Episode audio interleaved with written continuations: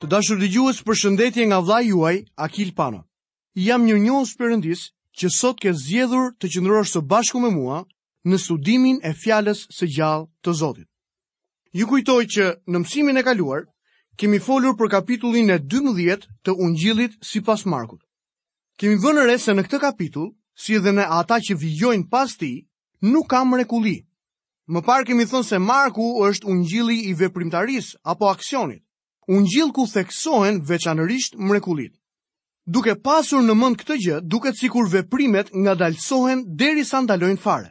Në fakt, ky është edhe qetësimi përpara stuhisë së madhe dhe do të shohim të zhvillohen shumë veprime. Unë kam bërë një plan të vogël të këtij kapitulli të cilin po jua jap edhe një herë në çast. Së pari, në këtë kapitull, neve do të shohim që Jezusi qetëson betejën me krerët fetarë me anë të shëmbëlltyrës së vreshtarit. Më pas shohim Jezusin i cili prish komplotin e farisenjve dhe herodianëve për sa i përket pagesës së taksave Cezarit. Më poshtë do të shohim Jezusin i cili shtyp skepticizmin e saducenjve në lidhje me ringjalljen. Do të shohim gjithashtu Jezusin i cili qetëson mendjen e skribit në lidhje me urdhërimin e madh. Më poshtë do të shohim Jezusin i cili pyet farisenjt rreth Mesias dhe u citon atyre nga Psalmi 110. Dhe së fundmi, do të shohim Jezusin i cili përkufizon të dhënën biblike me anë të vlerësimit të dy monedhave të vogla të vejushës së varfër në tempull. Duket se po mbërrijmë në disa veprimtari por të një lloji tjetër. Zoti Jezus është qengji i Pashkës dhe ai është ngritur lart për një inspektim të thellë përpara se të sakrifikohet. Ju e mbani mend besoj se qengji i Pashkës ngrihej për një vëzhgim të plotë për të qenë i sigurt se ishte pa të meta përpara se të sakrifikohej. Të gjitha dallgët e zemërimit të njeriut do të derdhen sipër kokës së tij në pak ditë. Kjo nuk është një periudhë e qetë dhe pa veprimtari, por një ndeshje e egër me krerët fetarë. Atëherë do të fillojmë studimin e sotëm duke lexuar së pari në kapitullin e 12 të ungjillit sipas Markut nga vargjet 18 dhe 19. Pastaj iu paraqitën disa saducenj të cilët thonë se nuk ka ringjallje. dhe e pyetën duke thënë, Mësues, Moisiu na la të shkruar që nëse vdes vëllai i dikujt dhe lë gruan pa fëmijë, vëllai i tij duhet të martohet me të për t'i lindur pasardhës vëllait të tij. Saducenjtë në qoftë se e mbani mend, ishin liberalët e epokës. Ata mohonin supernatyroren. Çfarë ata deklaronin ishte korrektësia. Ata i referoheshin ligjit shpengues të fisit, i cili ilustrohet në librin e Ruthit. Ata e dinin se çfarë thoshte shkrimi. Lexojmë më poshtë vargjet 20 deri 22. Tani ishin shtatë vëllezër. I pari u martua dhe vdiq pa lënë fëmijë. E mori pra i dyti, por edhe ky vdiq pa lënë fëmijë. Po kështu edhe i treti. Që të shtatë e morën për grua dhe vdiqën pa lënë fëmijë. E fundit, pas të gjithëve, vdiq edhe gruaja. Ky është një ilustrim qesharak, apo jo? Ndoshta sot kjo gjë mund të përsëritet në Hollywood ose në shoqërinë tonë bashkëkohore, por gjithsesi është qesharake. Kështu që pyetja e tyre ishte. Lexojmë më poshtë vargjet 23 dhe 24. Në ringjallje pra kur të ringjallen, gruaja e kujt do të jetë ajo? Sepse që të shtatë e patën për grua. Jezusi duke u përgjigjur u tha atyre, A nuk është pikërisht për këtë që jeni në gabim, sepse nuk i njihni as shkrimet, as pushtetin e Perëndisë.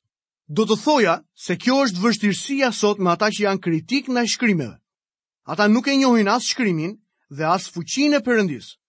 Kam vënë re se kohët e fundit ka filluar të transmetohet një reklamë për pakësimin e popullsisë Dhe disa njerëz thonë që kjo reklamë është në kundërshtim me Biblën.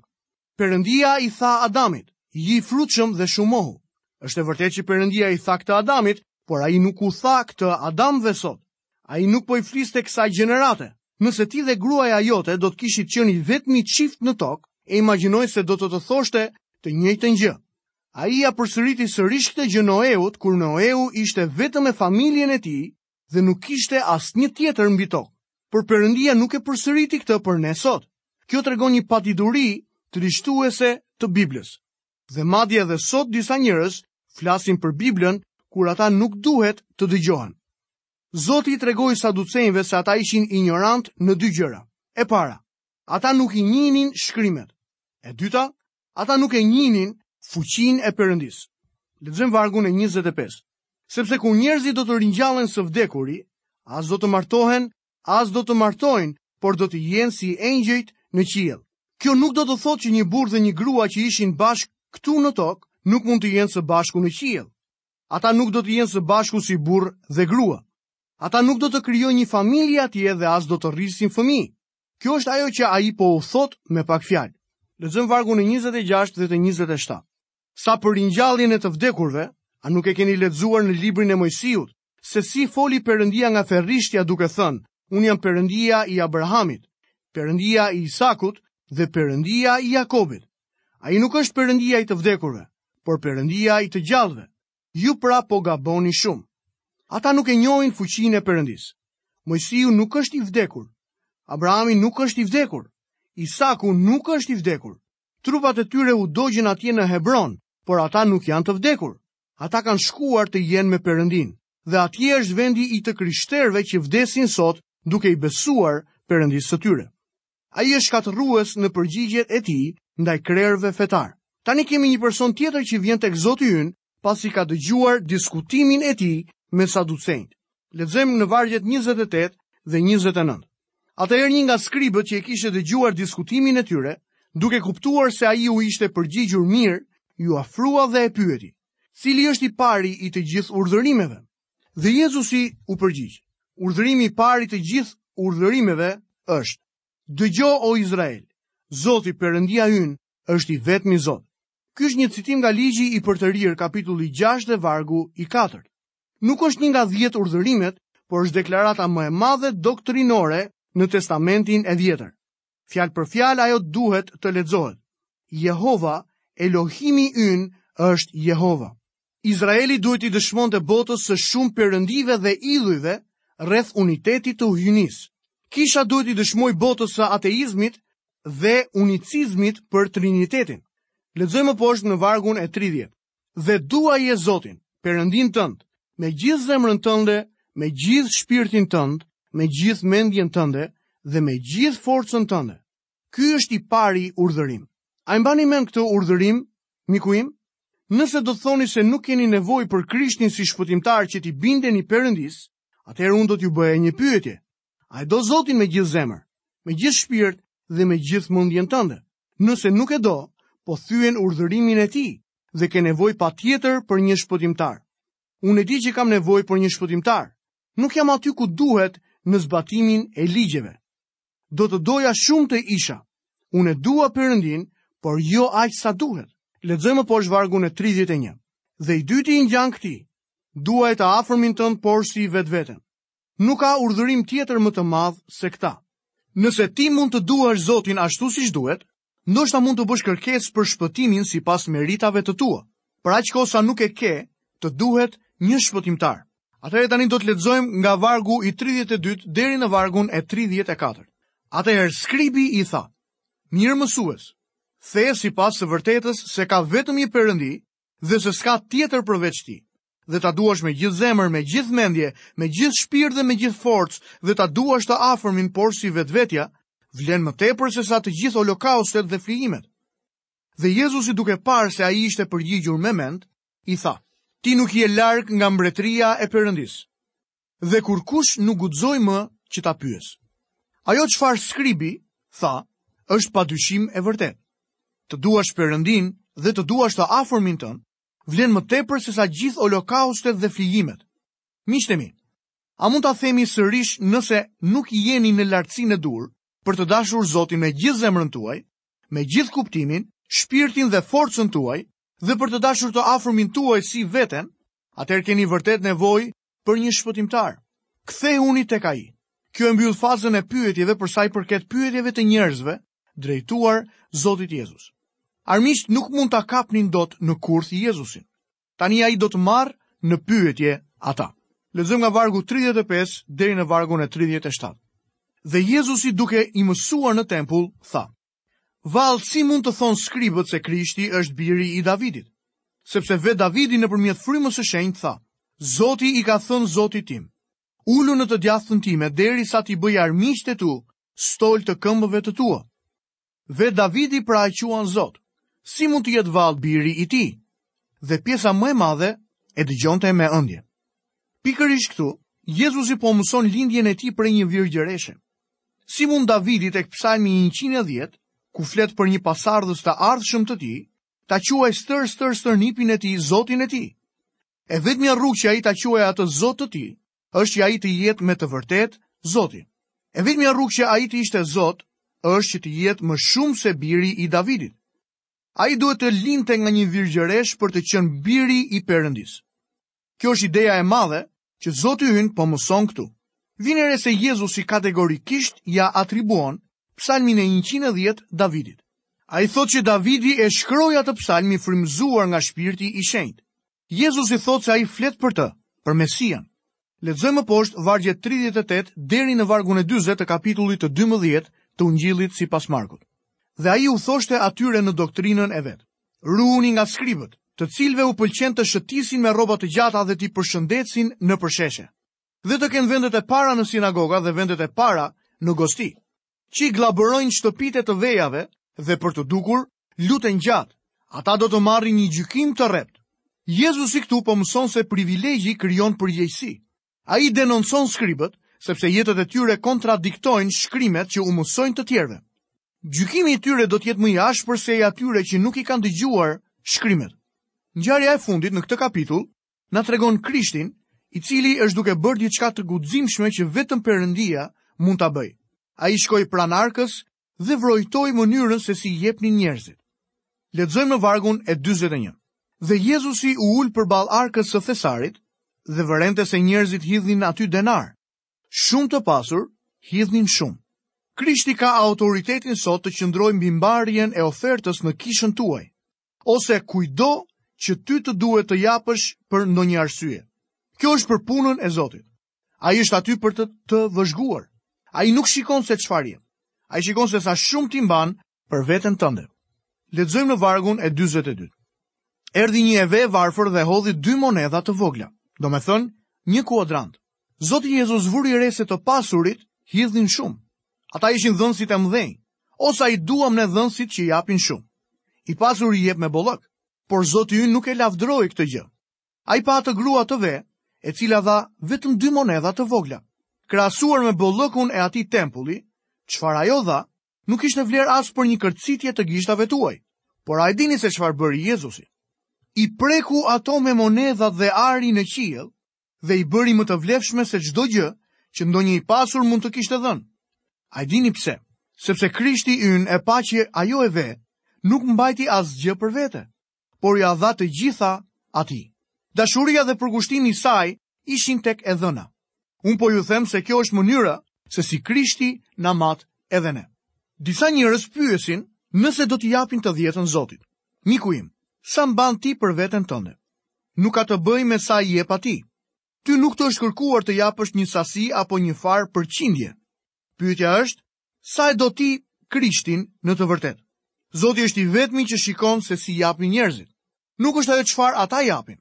E veja nuk dha ndonjë gjë me vlerë të madhe. Dyshoj nëse thesarmbajtësi i ka kushtuar vëmendje kësaj. Por Zoti vetë i mori dy monedhat e vogla të së vesë dhe i shkëmbeu me arin e qiellit. Të dashur dëgjues, këtu kemi përfunduar edhe kapitullin e 12 të Ungjillit sipas Markut. dhe tani do të fillojmë studimin tonë mbi kapitullin e 13. Përsëri në këtë kapitull, do të shohim që nuk do të ketë mrekulli, por do të ketë veprimtari. Ungjilli i Markut është ungjilli i veprimtarisë dhe vendos shumë theks mbi mrekullitë, por në këtë kapitull veprimi është në gjërat që do të vijnë, pra në të ardhmen. Veprimi në të vërtetë nuk është ndërprerë, por është ende në të ardhmen. Të kujton ngjarjet eshatologjike të cilat do të mbyllin këtë epokë. Jepen ngjarjet katastrofike të mundimit të madh dhe përshkruhet grafikisht ardhja e dytë e Krishtit. Ky është veprimi i veshur me fuqi hyjnore dhe ky miqtë e mi është më i fortë se fuqia atomike. Diskutimi në malin e ullinjve që e gjejmë edhe në këtë kapitull është një ngjarje paralele me atë tek Ungjilli i Mateut. Këtu është më i shkurtër sesa tek Mateu dhe në fakt është një variant i përmbledhur. Përmbledhja ka qenë veçori e Markut përgjatë gjithë përshkrimit të tij, veçse në disa raste të caktuara ku ka dhënë ndodhin më të gjatë të ngjarjes. Në përgjithësi, linja e veprimit të tij është të përmbledhë gjithçka dhe të japë një veprim të shpejtë. Ky është plani im për këtë kapitull. Së pari ne do të shikojmë prezantimin e pyetjeve të dishepujve tek Jezusi në majë të malit të ullinjve. Më poshtë ne do të shohim pamjen e kësaj epoke. Më poshtë do të vështrojmë persekutimin që paraprin mundimin e madh. Nga vargjet 14 deri 23 do të shohim profecinë e mundimit të madh. Nga vargjet 24 deri 27 të këtij kapitulli do të shohim shpalljen e ardhjes së dytë të Zotit tonë në tokë. Nga vargjet 28 deri 33 do të shohim shëmbëlltyrën e pemës së fikut dhe nga vargjet 34 deri 37 do të shohim programin për njerëzit e Zotit. Në këtë ngjarje ka shumë p. A nuk mendoni edhe ju kështu? Kjo është ajo që do të kemi në këtë kapitull vijues. Lexojmë në kapitullin e 13 të Ungjillit sipas Markut, vargun e parë. Ndërsa ai po dilte nga tempulli, një nga dishepujt e vet i tha: Mësues, shih ç'gurë e ç'ndërtesa. Të dashur vëllezër, këtu mendoj se gjejmë një shembull se si mund të keqkuptohet një pasazh i shkrimit. Dikush mund të pyesë, çfarë ka mbrapa gjithë kësaj? Ne nuk kemi asnjë të dhënë pse dishepujt bënë një formulim të tillë. Në fakt, duhet të kthehemi prapa tek Mateu në kapitullin e 23 dhe vargun e 28 për ta zbuluar këtë. Zoti Jezus shqiptoi një shkatërrim mbi tempullin. Dishepujt ishin të hutuar sepse mbi tempullin dhe ndërtesat përreth ishte një lavdi dhe një madhështi e jashtëzakonshme. Ata donin të siguroheshin nëse Krishti e kishte vënë re këtë gjë. Kështu që thanë, mësues, shih ç'gurë e ç'ndërtesa. Le të lexojmë tani vargun e dytë në kapitullin e 13 të Ungjillit sipas Markut. Dhe Jezusi duke iu përgjigjur, i tha: A po i shikon këto ndërtesa të mëdha? Nuk do të mbetet gur mbi gur pa u rrënuar. Ai u bëri atyre një pyetje. Ata i kërkuan të shihte ndërtesat për t'u siguruar që të mos i humbte. Tani ai i pyet, a po i shikoni këto ndërtesa të mëdha? Zoti Jezus po u mëson një mësim të madh shpirtëror.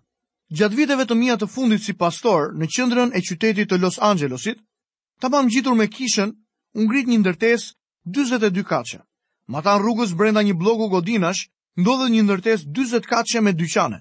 Brenda bllokut tonë ndodhen dy ndërtesa të tjera 50 katëshe dhe diagonalisht nga ne do ndërtohet një tjetër 60 katëshe.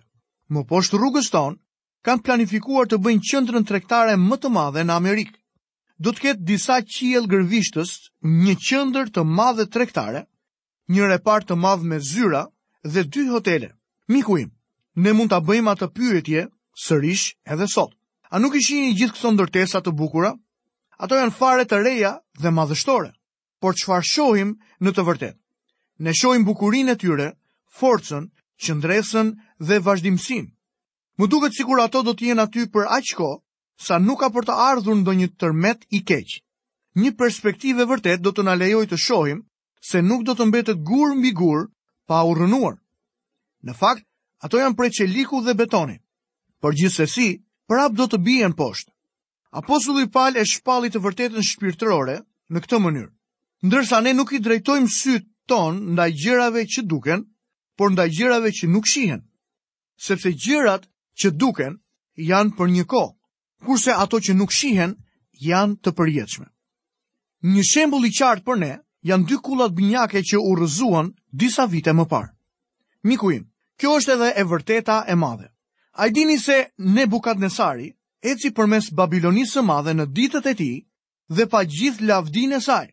Ndërsa ecte, me shumë mundësi ai tha, a është kjo Babilonia e madhe që ndërtova unë? A e keni parë pikturën e rrënojave të Babilonisë sot? Nuk ka asgjë për t'u lëvduar.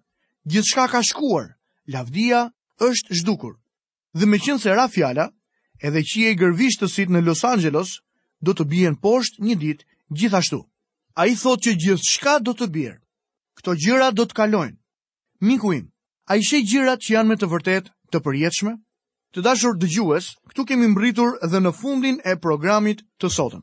Jam mirënjohës Perëndisë që keni qëndruar së bashku me mua përgjatë minutave të këtij studimi, dhe ju kujtoj që studimin tonë mbi kapitullin e 13 të Ungjillit të Markut do ta vazhdojmë në mësimin e ardhshëm.